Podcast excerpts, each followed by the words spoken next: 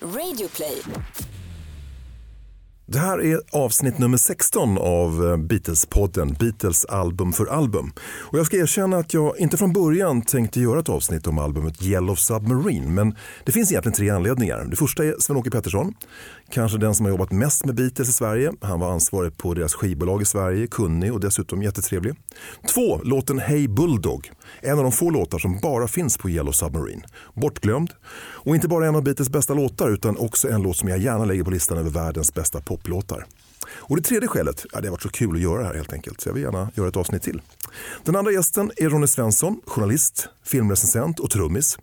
Eh, Ronny inleder och avslutar poddserien, för efter det här avsnittet så finns det inte fler originalalbum att prata om och lyssna på. Men jag har en idé.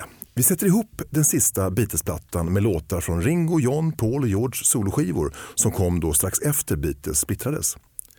Säg så här att de efter det lyckade albumet Abbey Road bestämmer sig för att göra en skiva till. Och det kanske blir ett album som liknar Vita Dubbel lite mer, det vill säga att man inte är med på allas låtar.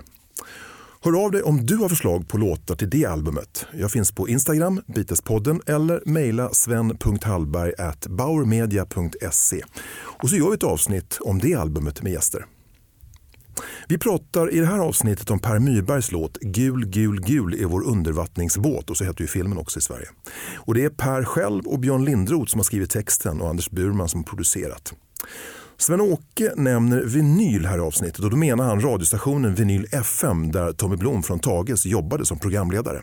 Oliver Bergman har klippt, Theodor Lindahl gjorde vignettmusiken, Pelle Stybler tog bilderna och Pierre Duras har skapat grafiken. Podden är producerad av Radio Play. Jag heter Sven Hallberg. Nu dyker vi.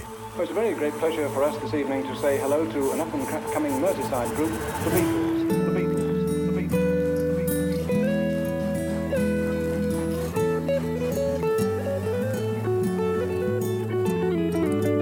Beatles. Då säger jag hej och välkommen till Sven-Åke Pettersson Tack ska du ha. och Ronny Svensson. Åh, tack för att få komma tillbaka. Ja, kul att ha dig här. Och det är kul, Ronny, du kommer ju både öppna och stänga den här serien. För du var med i det första avsnittet som vi gav ut som Åh, handlar om Vita Dubbeln. Alltså jag är så eh, stolt över det.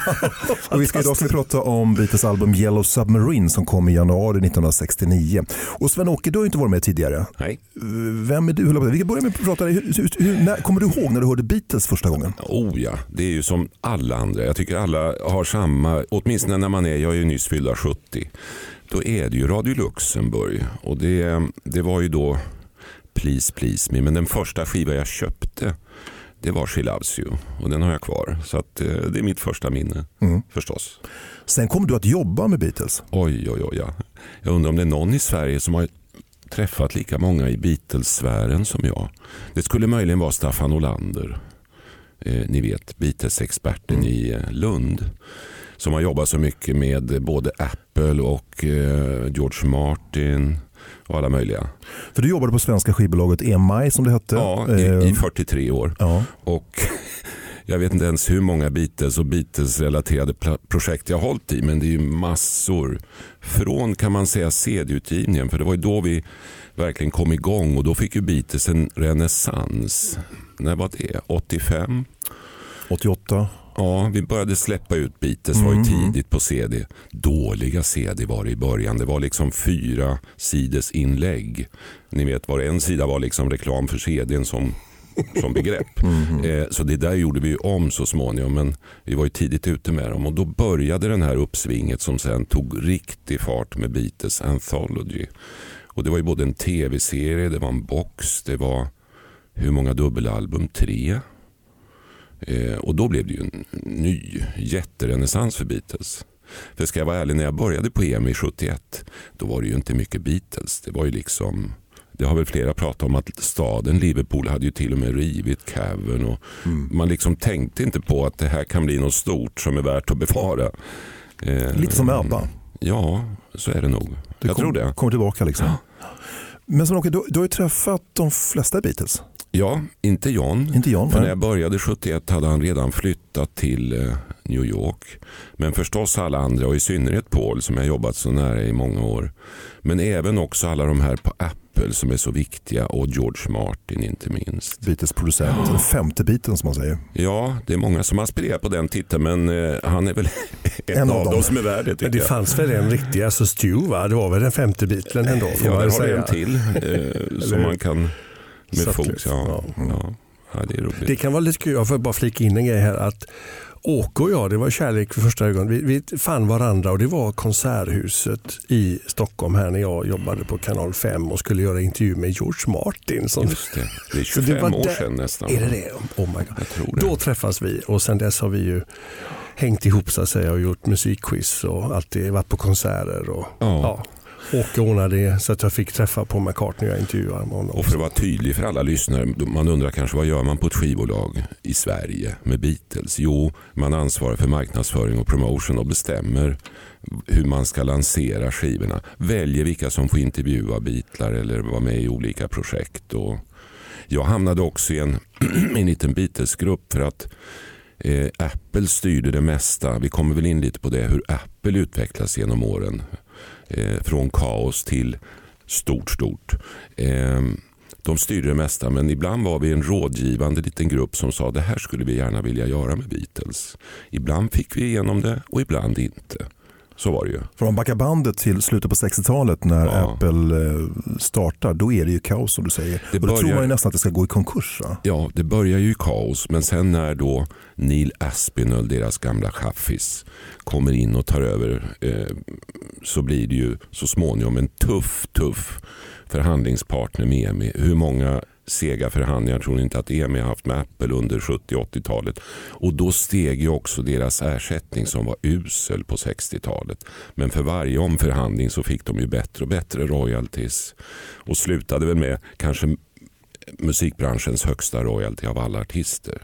Vi kommer in lite grann på det här med Ja. ersättningar sen. Vi ska Ja. prata om George Harrison som hade ett avtal med Ja. eh, förlaget. Ja. Hörrni, eh, vi ska prata om filmen också. Eh, vi kan nästan börja med det. Eh, det här var ju ett filmprojekt som började 1967.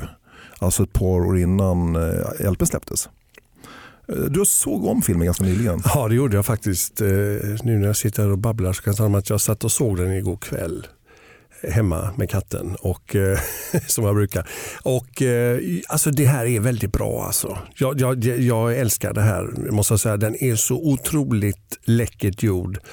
Och eh, det- här fantastiska, vi kommer in på det, men jag tänker på att börja med det här oerhört vackra George Martin-stycket, Pepperland, stycket som är där. Och den fantasifullheten som finns och de här Bloomy, det, den är, alltså, jag känner det är ju verkligen en familjefilm alltså. Det känns som att eh, den är lite underskattad så, tycker jag. Eh, dramaturgiskt också med den här.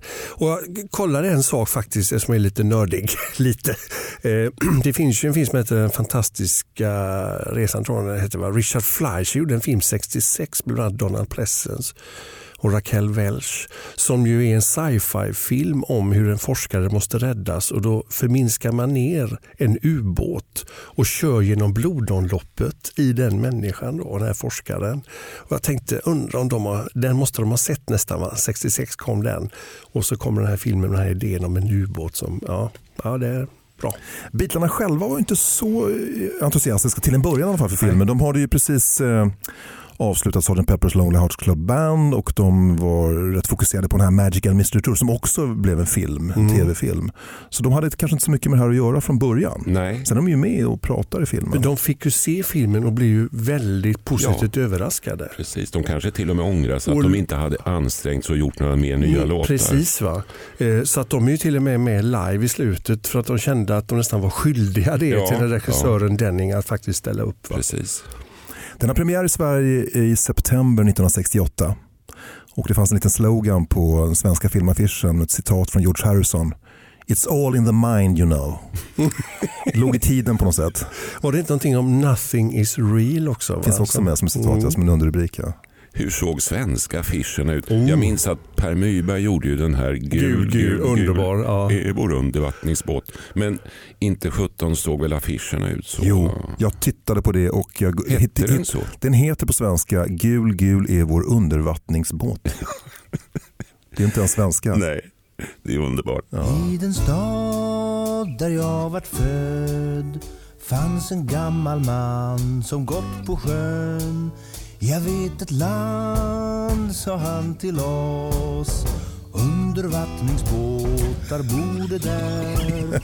Så vi segla mot vår sol tills vi fann ett hav av röd viol. Vågor gungar vi och på i vår gula undervattningsbåt. Undervattningsbåt. Undervattningsbåt, undervattningsbåt. Ja, det är alltså Per Myrberg som gör den svenska versionen. Ve, ve, eh, har du koll på vem som har skrivit den svenska texten? Nej, jag sitter just och undrar. Åke, vet Nej, jag minns inte. Och jag, naturligtvis, nörd säger jag igen, eh, vilka är det som lirar här, alltså, som kompar honom? Och den ligan som var. Undrar om det är, om det är Simon Bremi inblandad på något sätt och hela det här vet Hylands hörna-gänget tror Jag minns jag träffade Per Myberg en gång, var det på någon releasefest för någon bok. Ja.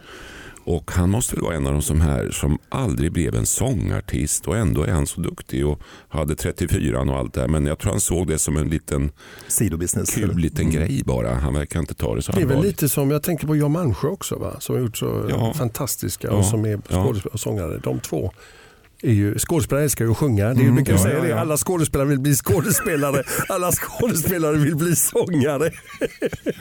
Ja. Ja. Filmen är regisserad av George Dunning. Det bygger på musik av The Beatles och sen har även George Martin skrivit ett soundtrack med instrumentala låtar. Eh, Beatles själva medverkar i slutet på filmen, i slutscenen där. Deras rollfigurer, eh, deras rösterna görs av andra skådespelare. Mm.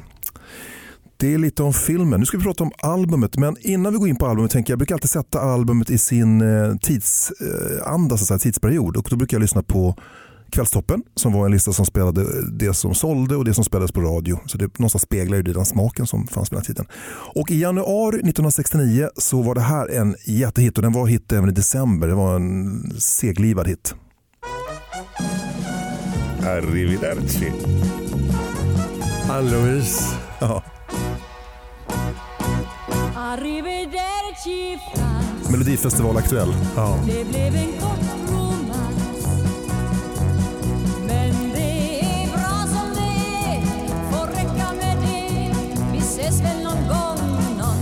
Ja, det var en jättehit. Ja, jag måste säga, jag, jag, eh, man var ju förälskad i Ann-Louise. Eller hur? Det var vi väl alla, det kan vi väl erkänna. Jag minns när jag fick en, en CD signerad där hon skrev att hälsningar från en skräbba från Kristianstad, skrev hon, kommer jag ihåg. Så att, och det är lite filmkopplat där eftersom Sveriges första biograf låg i Kristianstad också. Så det var lite kul. Och så var det här en hit också, så jag vet inte om ni känner igen den.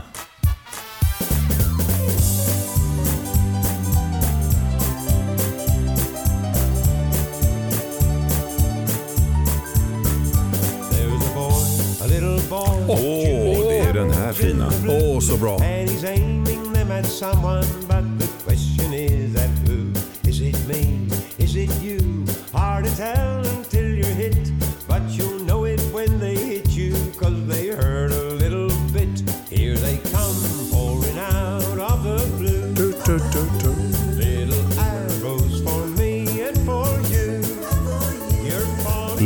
Lee, Little Arrows. hette han. Ja. Gjordes också på svenska. Ja, jag hör också i huvudet att Ja. det här finns en svensk text. Eller hur? Ja. Det var länge sedan. Han var engelsman, han gav ut den här då 1968 och gjorde succé på båda sidor av Atlanterna. Ja. Turnerade i Sverige 1969 med en Ja. förlag av svenska bandet Salt och Peppar. Ja, oj då. Jag måste fråga, alltså det är one hit wonder det här va? Är det inte det? Ja, Det är det nog. Det är det nog. Ja. Men det här kanske ni känner igen, de låg också på kvällstoppen högt. Ja, det här är ju Marbles. Ja, Bra. och vem har skrivit låten? Åh, Hette han inte Tony Rowland, men det var han som sjöng kanske. Men vem skrev den? Det är bröderna Bee Gees. det är väl, ja, just det, jag tänkte faktiskt säga det. Gibbarna är ansvariga för detta va? gjordes en stor hit. Ett svenskt, ett västkustband va? Ej, var det inte Tony Borg gänget där? Only One Woman. Eh, Som gjorde en cover på den. Alien hette de va? Just det, Alien var det. stämmer. Eller? Stämmer. Bra Ronny. 90-tal va? Vad godkänt. Ja, ja, ja. Så var det ju. ja, jo då. Så är det man har med sig Ronny Svensson i studion. Ja, men det, de jag måste, kan jag få bara säga en kort Det var så roligt. De gjorde en sån där retrospelning på Sweden Rock där jag jobbar. Och jag gick in till grabbarna där och, och så sa det. Vad har ni ställt era rullatorer? Ut härifrån skrek. Vad tycker du om omslaget? Det är Heinz Edelman, Ja. tysk illustratör och designer som har gjort det. Som också jobbar med filmen. Väldigt grafiskt. Ja. Baksidan innehåller en recension av Av Vita, Vita Dubben Dubben, faktiskt. ja, skriven av Tony Palmer från The Observer. Oklart varför den är med där. Ja, Det, ja, är det någon slags sånt där typiskt brittiskt skämt tror du? Sån här Lennon-grej. För en är recensionen liksom positiv eller negativ? Det är ju det som har varit roligt.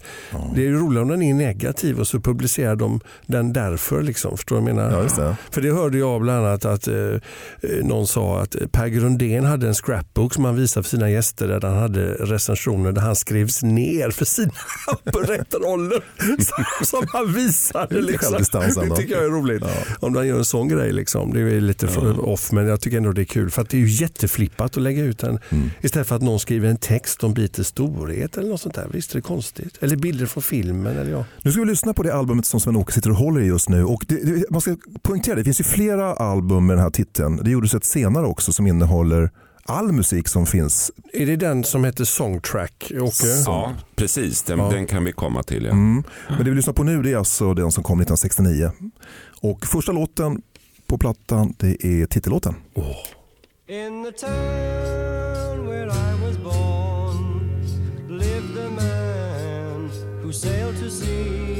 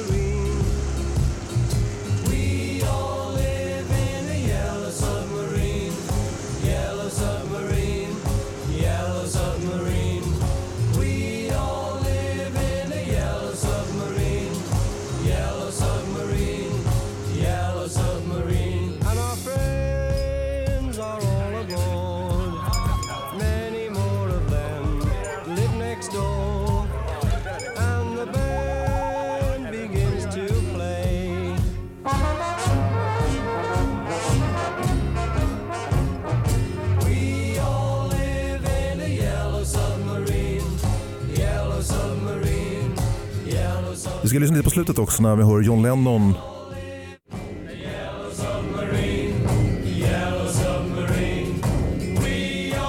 Kanske tidigare. Ska se. Här är det.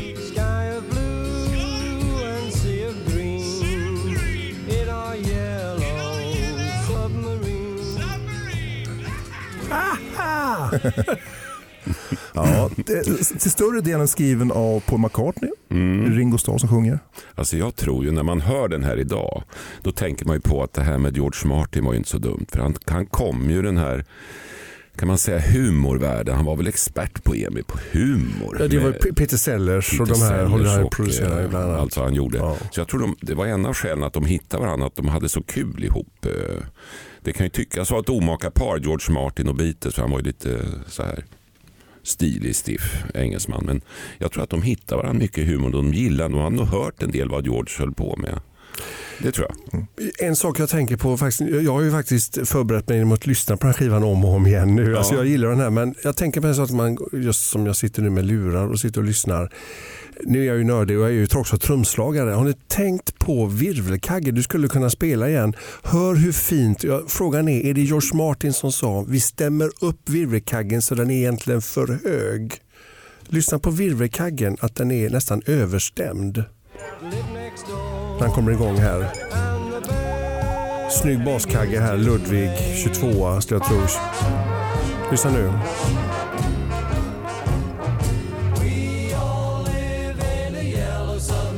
Hör vad hög den är. yellow submarine,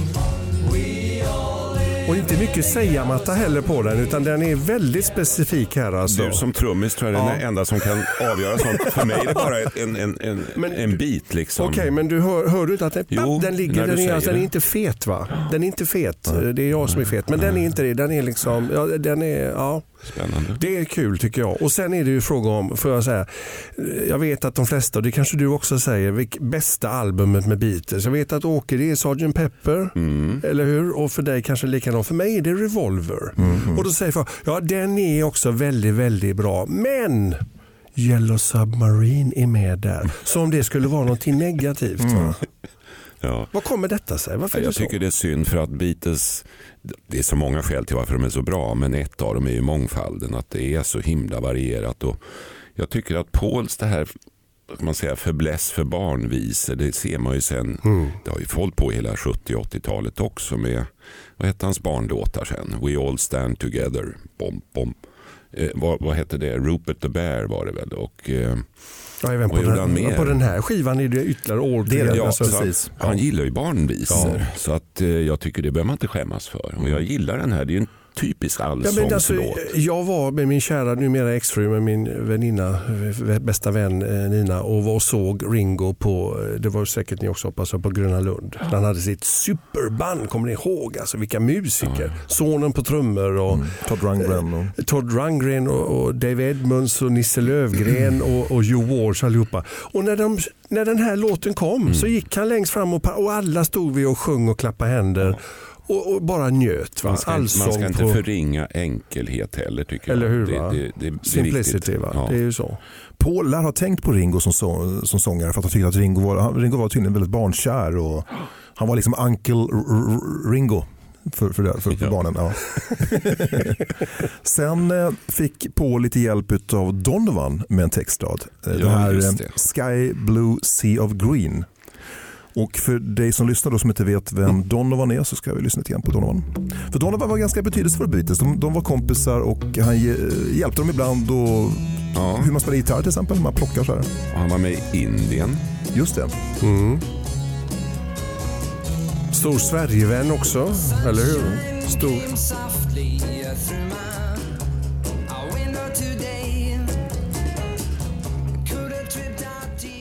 Han kallades lite orättvist för Englands Bob Dylan. Ja. Ja, men det där är ju roligt när man ser Don't Look Back-filmen. Att Dylan är riktigt sur när han är i England och känner att Donovan, alltså det är en sån tuppfight mellan dessa två eh, herrar. Alltså, Jag vet inte om ni någonsin fick se Donovan live. Nej.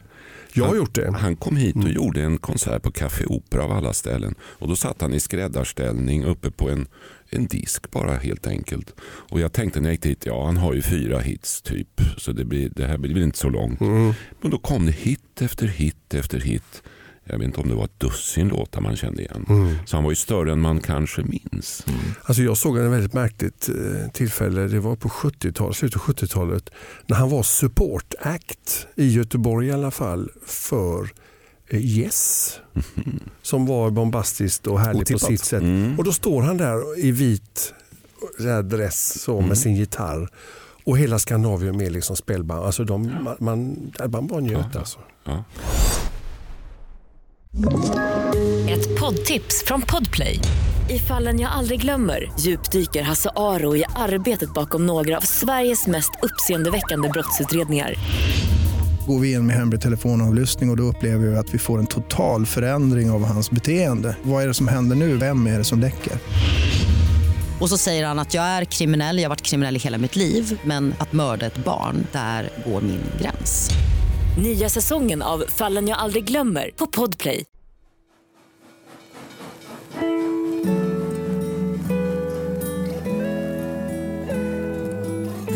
Andra låten på Yellow Submarine det är en eh, George Harrison-komposition.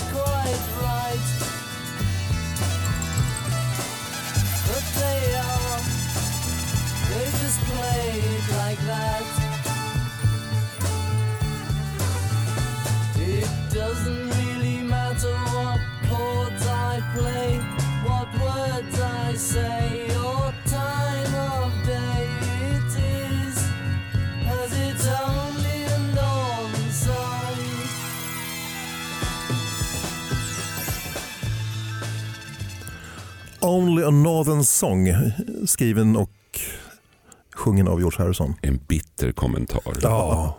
Ska vi förklara vad Northern Ja, Song li- var? lite kort kan man ju säga att efter att de slog igenom med Love Me Do så eh, blev de ju kan man säga lurade att skriva på ett avtal där de trodde att de hade kontroll över sin musik. Och Det var ju ett nytt förlag som då hette Northern Songs. Och Det var ju Dick James som sen startade DJM som drog igång det där så att säga. Han, han kanske inte nämnde att han själv tog hälften och så fick alla andra dela på den andra hälften. Och det är klart att med åren, jag tror dessutom att han tog en administrationsavgift on top of that. Så att med Plus åren, moms. Ja, typ. Så att med åren så blev ju det där naturligtvis väldigt surt. Va? De kom ju aldrig ur det där. Och det vet ni, det har ju pågått ända fram till idag. Till och med långt efter Michael Jacksons död. Att Paul har liksom aldrig kommit till skott och få tillbaka det riktigt. Nej. Och ska förklara för lyssnarna också att musikförlaget äger rättigheterna till musiken. Så att vem som än spelar in en Beatles-låt, Ja. där får förlaget pengarna så att säga. Exakt. Skivbolaget äger inspelningarna. Vi kan Alltså ju säga de, att bitarna blev screwed många gånger om. Ja. Om vi börjar med hela Brian Epstein-dealen var ju också dålig för dem. Han hade ett bolag som hette NEMS som tog då massor med, jag tror han fick 25% av allt Beatles. Du vet, tjänade på skivor, merchandise, turnéer, förmögenhet. Och så kommer det här då. Eh, så att eh, det var inte så också att George Harrison hade faktiskt mindre än John och Paul från förlaget. Att John och Paul hade en liten anställd. delägare i... Så här var det att, eh, att eh, Dick James hade hälften. Sen fick John och Paul dela på resten ihop med, med Brian. Så var det. Mm. Och han var bara anställd, eh, George Harrison. Så med tiden Så så insåg George Harrison att det här var ju inte något bra nej, deal för honom nej, alls. Nej, den här låten låter som en sur, eh, besviken Men kommentar. med rätta ändå. Ja, med, med rätta, Ja. absolut. Ja, Visst. musikaliskt skulle jag vilja veta, du som har grävt jättemycket, eller om Åke vet. Den här makalöst helt galna trumpeten, vem är det som lirar den? är fantastisk. Ja, Paul McCartney ska det vara. Är det Paul? Mm. På just den här låten. Ja, den här Det låten, den på. trumpeten är ju helt Och sanslös. sen är det bandeffekter och rullar. Ja, ja, så. jag förstår. ja, de ja. är på liksom, men okej. Ja. Ja, men alltså, dessutom så fick ju många av George låtar inte plats på albumen. De, han fick med en eller två låtar. Ja. Så det fanns en uppsjö låtar som inte släpptes. Den här har jag läst att den var ratad från Sgt. Ja, Pepper. Stämmer. Stämmer. ja. Och då hittade man på, du vet, på, på askarna då, bandaskarna, så hade man ingen titel på låt, så hittade man på en titel. Så den här låten hette då Not No. Andra kunde heta Anything eller India. Det var Within Without You. Nästan lite så här raljerande. Ja. Alltså Ja. förminskande i alla fall. Ja, man tycker lite synd om George i början. Att, att det, det rättade väl till sig med åren men eh, Jo, men, eh, han var ju förbigången på många sätt. Ja, alltså, om vi, nu, vi ska inte prata om andra album, men titta vilka stänkare han gjorde till, till Abbey Road. Gud, alltså, ja. Två stycken Ja. av världens Ja. bästa låtar. Liksom, Ja, gör visst. han där. Va? Verkligen. Ja. Vi fortsätter lyssna på albumet. Här är en låt som heter All Together Now. Åh,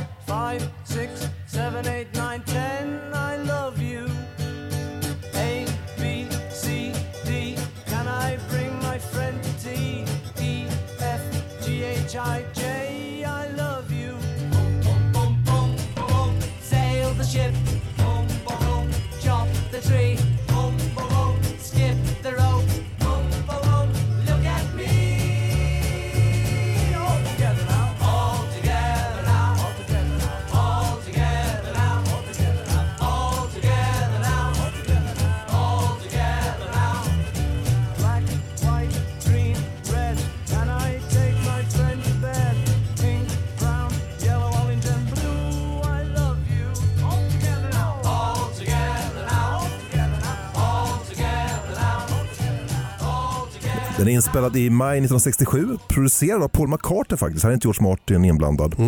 Eh, och det är Paul som sjunger, han spelar akustisk gitarr och bas, handklappningar. John Lennon körsång, akustisk gitarr, ukulele och munspel. Och eh, Ringo trummor och fingersymboler. Och det är Paul som har skrivit det mesta, utom just det här som vi hör John Lennon sjunga. Sail the ship, shop the tree. ja, det, det som han låter som en piratvisa Ja. nästan. Va? Eller Så det är hur? ganska kul. Han säger ju själv Paul att det här var en, en eh, sån här låt som gick, i papperskorgen, typ. Det har han ju sagt.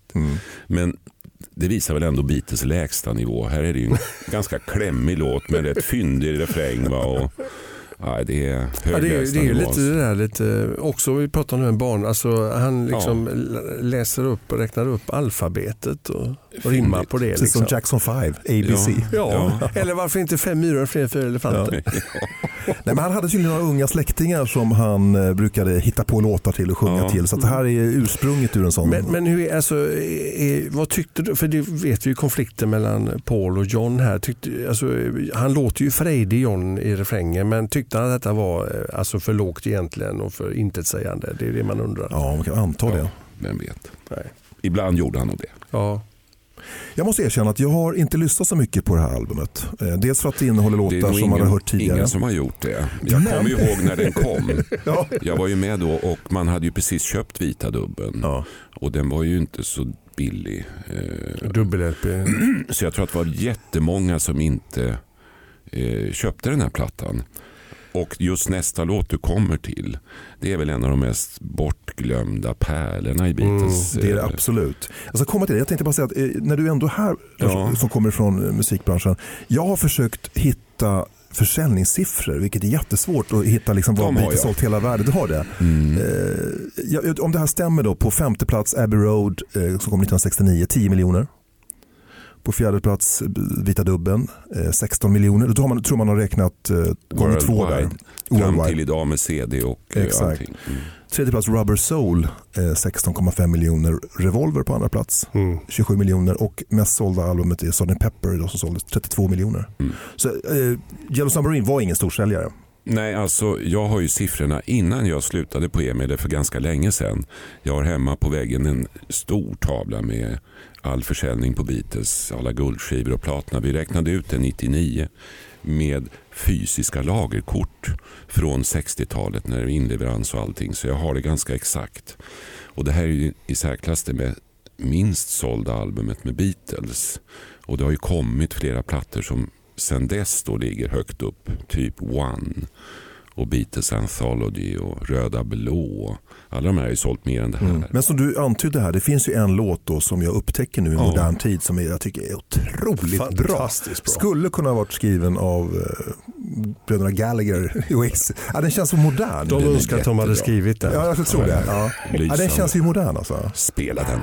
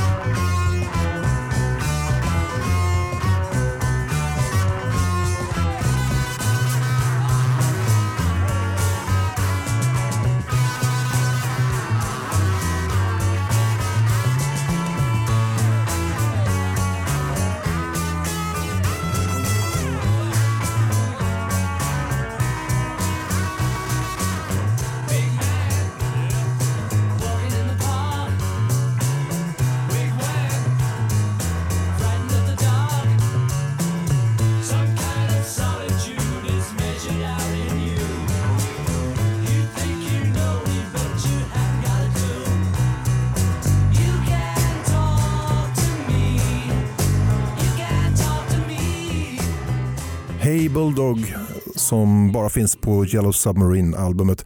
Eh, Har ni hört hur den kom till? Var det här stereoversionen? För jag upplever att monon är lite tuffare, bitigare med bitigare gitarrer. Ja, det var stereo. Ja, ibland tycker jag att det kanske är lite sämre med stereo, men det, det vet jag inte. Men Ja, jag, jag, när, jag, när jag hörde den här igen nu och lyssnade på plattan och så tänkte jag bara väldigt mycket Lady Madonna-känsla Oh ja. i den här. Och sen har jag läst mig till, och du har säkert fakta där, om att det har att göra med någon videoinspelning av Lady Madonna som på något sätt blev det här. Så var det. För det var väl ganska tråkigt att sitta och låtsas spela till en låt och göra en musikvideo till Lady Madonna. ja. Så de sitter och, och leker med pianot där så kommer den här låten fram. Och jag tror att Jan hade titeln Mm. Hey Bulldog och sen börjar de liksom ja, improvisera. Ska vi lyssna på Lady Madonna bara så Ja. vi Oh, bra. pianot här. Finns ju likheter. mycket. Både biten och basgången. Och trumman. Ja.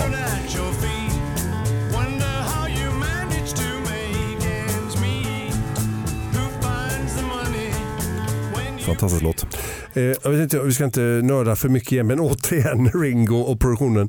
Eh, man har ju sett bilder på hur Ringo sitter. Jag vet inte om det är han själv eller om det är George. För jag tror även att när Phil Spector-plattan, han lägger en tunn frottéhandduk över tomtommen här. Alltså golvtommen, det som folk säger felaktigt puka, det heter tomtom. Fick jag sagt det. Eh, så han har det här bitet, när han du, du, du, du, hör att det är ett sånt dämpat, att han har en, en tunn handduk liggande på Okej. skinnet där.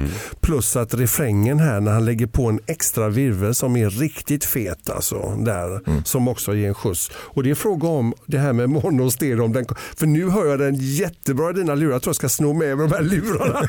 för det var väldigt vad bra jag hörde hans virvel på refrängen You can talk to me här. Alltså, där är han riktigt fin. Alltså, Ringo är en favorit. Alltså, det är ju så. Jeff Lynne och David Grohl har gjort en cover på den här live. Den finns inte på skivan men det är en inspelning, en hyllning till Paul McCartney. Sen gjorde Sinners en cover på den. Ska vi lyssna på den? Det är garagerock det här. Ja, visst. Precis.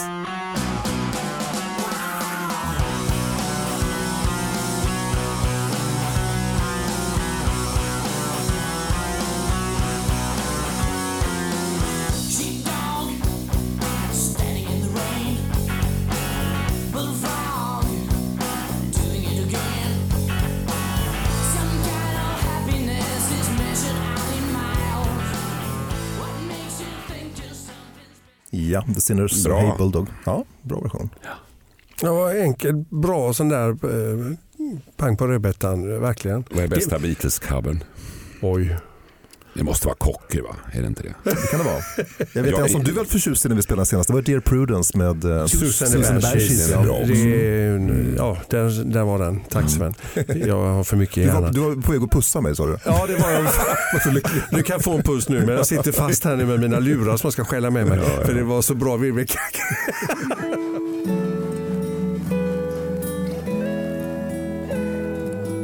Vi går vidare på Yellow Submarine och lyssnar på en låt som heter It's All Too Much. Oh.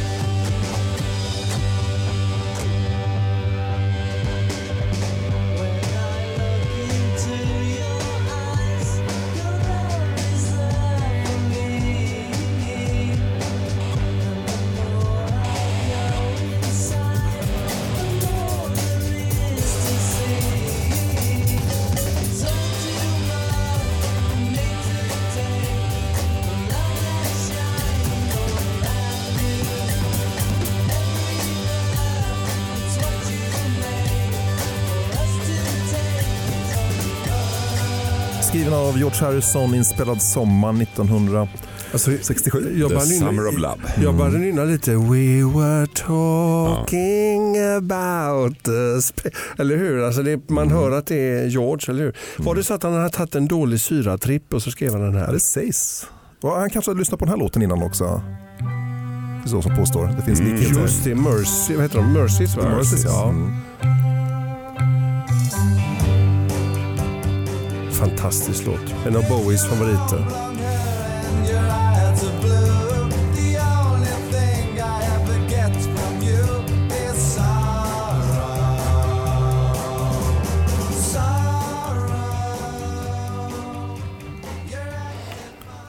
Ja, kanske lite inspirerat. Mm. Jag läste någonstans, jag vet inte riktigt var, men att engelsk psykedelia var aldrig lika ska vi säga, fräck och revolutionär som, som det var i USA.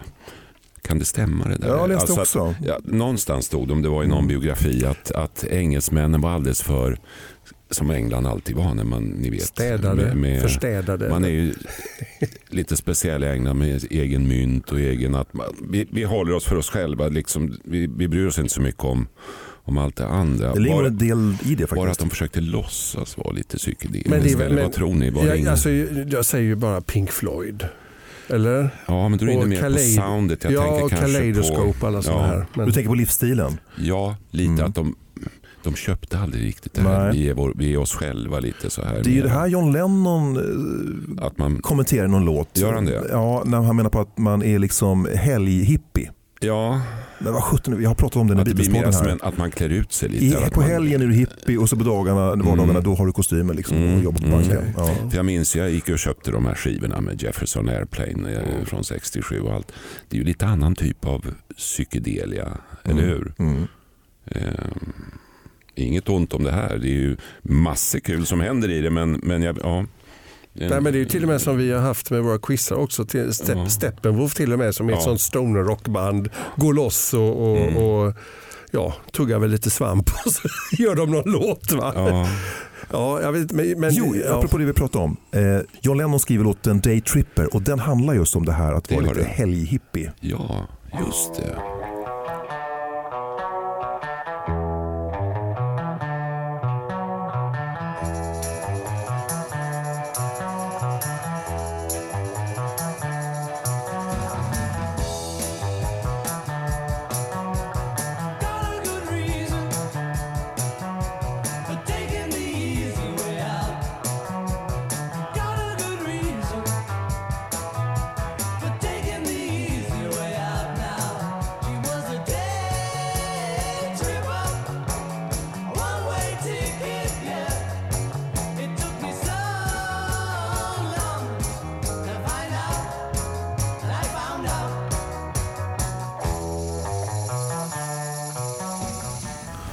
Fanta- fantastisk låt. Nej, men jag tänker också på både Monterey och Woodstock hade väl varit när det 67. här gjordes. Va? Just det. Och, eh, 60, ja, just det. Jag vet att många undrar varför blev inte Beatles tillfrågade att vara med på de här. Men det var de väl. Men att de inte fick ihop det. De hade ju lu- slutat lira live och sådär. Va? Så att nog var det väl så att mycket av det här kom från USA och det var där det... Men de måste väl ha suttit också i publiken när, när, när eh, Jimi Hendrix, när Chess Handler tog över Jimi Hendrix och lirade i, i Absolut. England. Och satt ju Brian Jones. Man såg ju Stonesarna men Beatles måste ju ha varit där också och kollat in. Ja, det var det. Kommer inte Var det två dagar efter Sgt. Pepper släpptes som Jimi Hendrix gör en cover på den live i London. Just det. Och där sitter Paul McCartney i publiken och njuter säkert Men du minns inte heller orsaken att de inte var med i Ja, det låter som du säger, när man läser deras Jag tror- anthology, varenda dag är fullspäckad med inspelningar och turnéer. Så de- de hade säkert inte tid. Nej, och de hade bestämt sig för att vi Ja, lirar de inte live längre. Mm. Så att, ja. Det var säkert Men det är så. deras egen version för att återgå till det här av, av psykedelia förstås. Ja, det är det ju, Ja, verkligen. Ja. Och Tomorrow Never Knows. Oh, Men återigen, den här plattan är ju egentligen ingen riktig Beatles-platta. För det är, det är låtar som har lagts åt sidan.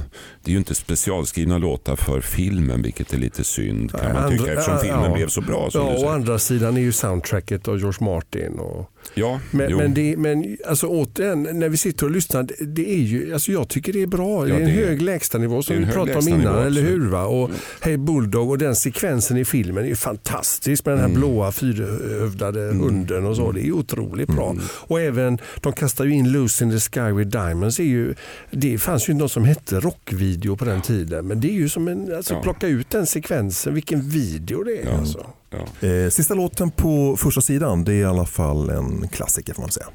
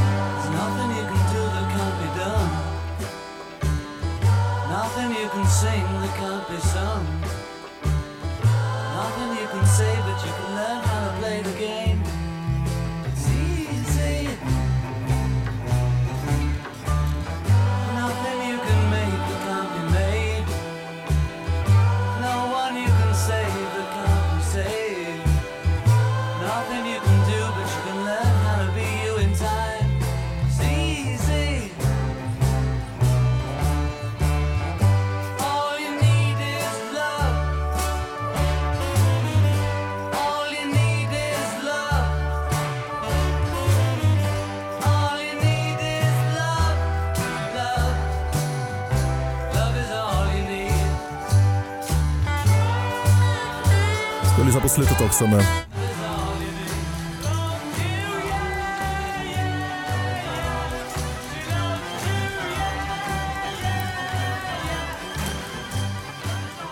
All You Need Is Love Ja. som togs eh, fram för ett tv-program. Ja, en det var internationell... sån här, jag minns jag satt och såg tv-programmet. Nej men det var ju en festlig grej. Men nu när man har läst på efteråt så var det ju inte live alltihop de gjorde. Han hade, George Martin var nog livrädd för att det här skulle gå till skogen. Så han, han hade ju gjort någon backing track tydligen. Så de la grejerna ovanpå den under sändningen. Så var det, de höll på flera dagar och, och gjorde Ja. ja. någon grundarbete med det här. Men jag undrar där, eh, och det var så att man kunde sitta, för det säger min syrra som är i samma generation som du, att man på svensk tv kunde se det här eh, Ja, live på Absolut. SVT. Då, Om det alltså. var live vet jag inte men jag såg det. Eh, Ja. Så jag kommer inte ihåg det nu. Jag tror att det var live. Det var hela poängen att det var någon sorts satellitsändning som Ja, inte hade det skett tidigare. så. Flera Ja. länder var inblandade. Ja. Men alltså jag läste Jeff Emmerich som var Beatles eh, tekniker. Hans memoarer och alltså, alltså hur den här låten kom till det är helt sjukt. eh, Brian Epstein ringer in till studion och berättar att de håller på att jobba med någon annan låt och att de har fått eh, möjlighet att vara med i det här programmet. Eller man till och med kom in i studion och berättade det här. Och de är lite, lite svala Beatles inför den här informationen och han undrar varför. Ja, men det här är du kan inte liksom gå och lova bort oss på grejer utan att fråga oss först. De var lite förnärmade över att han inte fråga, ställt frågan utan bara tagit för givet. Och så ska ni skriva en låt också. Ja, okej, sa de. Så, så fortsatte de med sitt, sitt arbete. Så gick det några veckor och sen så kommer John Lennon på, hur var det, skulle inte vi skriva en låt till det här tv-programmet? Och då säger någon, annan, ja men sjutton det är om två veckor. Ja, det är bäst att sätta igång då. Så att det var så här verkligen sladdar in på att de får ihop det alltså. Och Ja. Det får mig att tänka på, jag har haft glädjen att sitta med Paul McCartney i många middagar och före och efter konserter. Och en gång sa jag så här, jag tror jag hade just haft Robert Broberg ute då vi, vi jobbade ihop. Och då gjorde han en turné, Robert, där, där han kallade den för Oops, inga hits. Eller det, någonting. det stod tydligt i annonsen att det var inga hits. Och då kände jag Paul så pass väl så jag sa det vore ju drömmen att någon gång få se dig göra en eh, turné utan alla hits. Han sa jag fattar vad du menar. Men eh, det skulle aldrig fansen acceptera sa han. De vill ha All You Need Is Love och, och ja, du vet, Mm. Hey Jude och allt det här. Hello goodbye. Men visst hade det varit spännande naturligtvis att se honom göra albumfavoriter. Och Egna Ja, cover på låtar som har betytt mycket för honom. dels det, men även udda Mm. Beatles-låtar, udda McCartney-låtar. Alltså, som inte, man vet ju nästan vad man får när, idag när man går och ser det. det blir inte, Mm. mm. Men det är ju det folk vill ha, vi Ja. eller hur? Va? Ja. Och när man vänder på den här plattan då kommer en sida med eh, bara instrumentalmusik och det är George Martin som har skrivit de här låtarna.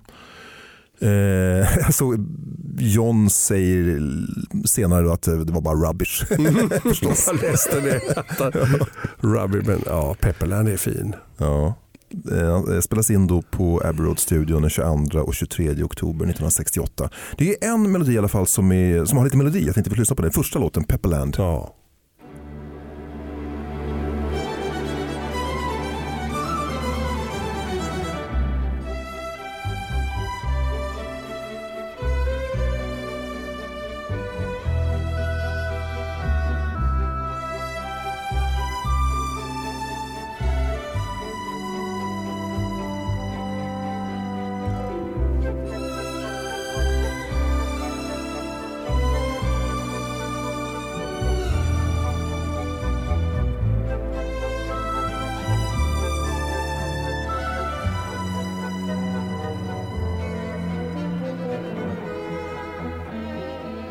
Stor orkester, 41 personer. Och visst gjorde han den här inspelningen två gånger. Först till filmen? Mm. eh, i en studio och sen ett år senare till plattan. Så var det tror jag. Mm. Och den här låten har ju blivit så pass bra så den har döpt ett helt svenskt popband till Pepperland. Mhm. Det är ju gamla Lenny Payne som idag heter Pepperland. Eh, och de fick George Martin se live och blev så imponerad av dem i Liverpool när filmen hade remasterats. 99 tror jag det var. Och det var kul. Och han, han tyckte de var så himla bra. De hade utökat med sitarer och, och framför, ja, framträdde innan filmen visades. Mm, mm. Ja. Jag tänker, du har ju träffat Paul McCartney vid några tillfällen. Vi brukar spekulera i att han är väldigt lättsam och trevlig att ha att göra med. Oerhört lättsam och kul.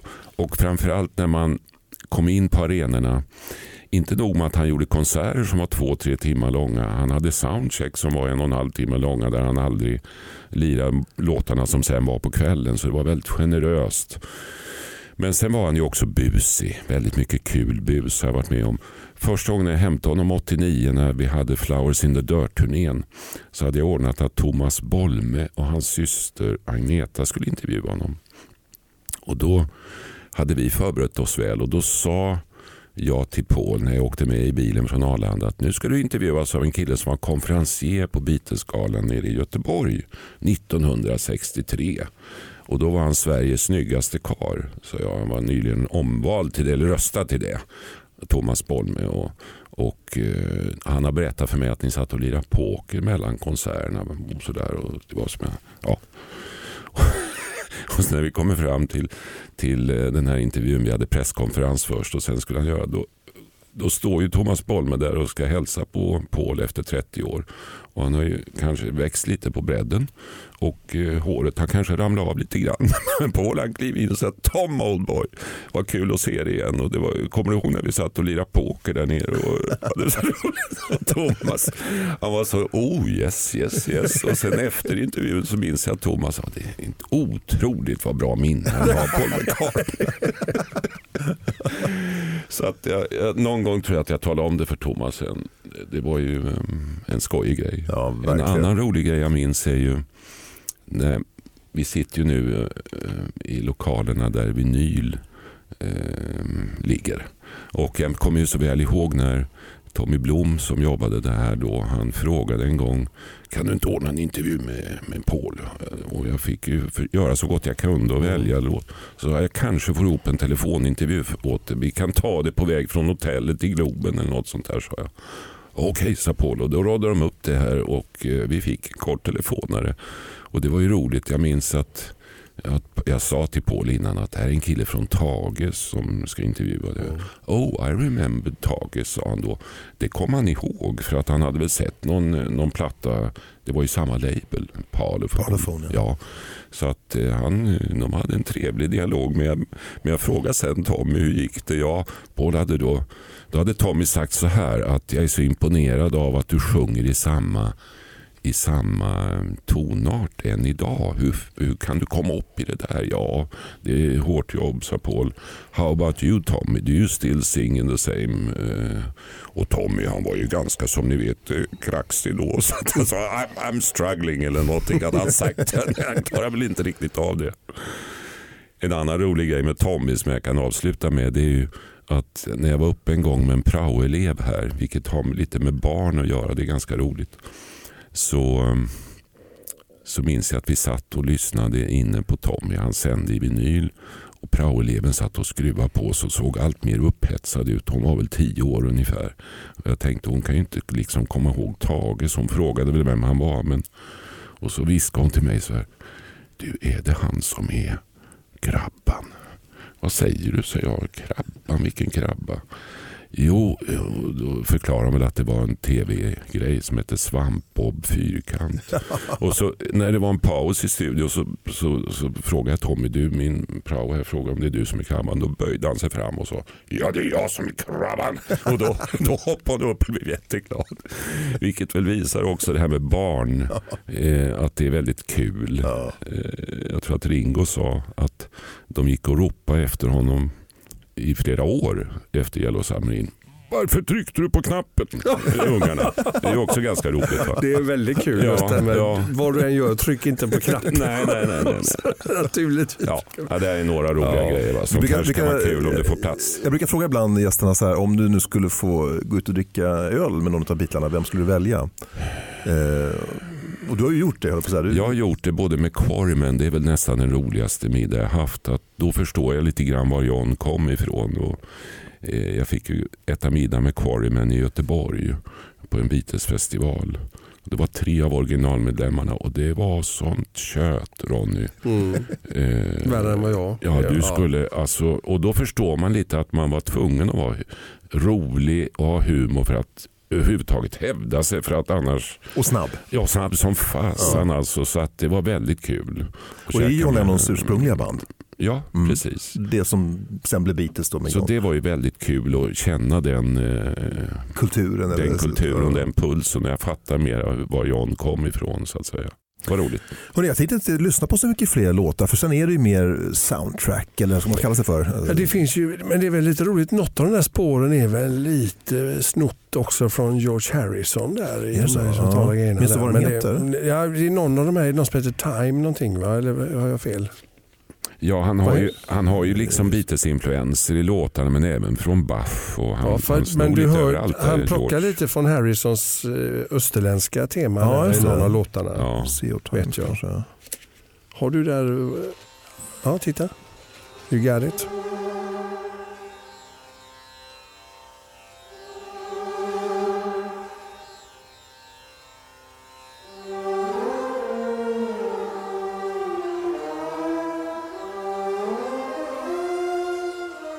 Det är bekant. Mhm.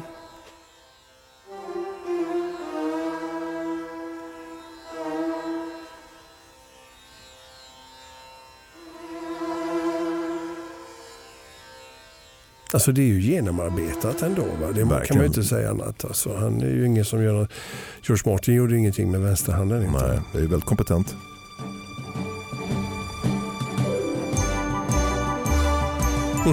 Ja. Marscherar de ut. Jag har haft glädjen att få jobba mycket med George Martin och det har varit skojigt. Han har turnerat i Sverige, det vet ni kanske, med Malmösymfonikerna. Och då körde han ju mycket av det här. Du Ronny fick se Mm. en av turnéerna och den var väl med Triple and... Nej, den var med Real Group. Eh, Och det var Göran Sulcher på gitarr. Ja. Det var då vi träffades där. Ja. Just det, Jag tror att det var. Real Group som sjöng Ja, det var va? det också. Och George tyckte de var så himla bra och gjorde det så bra. Så att eh, han är ju en underbar man, eller var en underbar man som betydde jättemycket för dem naturligtvis. Ja, det var stort, det var stort för att träffa George Martin, det måste jag säga. Det var alltid verkligen. väldigt eh, vad ska man säga, artig och eh, ödmjuk tycker jag verkligen han var. Han, han lyfte inte fram sig själv sådär utan eh, han gjorde nog så gott han kunde. Och han skrev ju mycket filmmusik, det kan man väl påpeka här. Mm, mm. Hörrni, det har varit jättekul att ha er här. ja, vad roligt att vara här. Eh, Vi brukar sluta med att, eh, avsluta med att man får önska en låt, eller komma överens om en låt. Kan ni göra det tror ni från eh, Yellow Submarine? Ja, det, det måste vara Hej Bo. det måste vara Hej? Bulldog. Ja, det har det. Ingen tvekan. Ingen tvekan. Vi kör på den. Ja. Stort tack. Tack.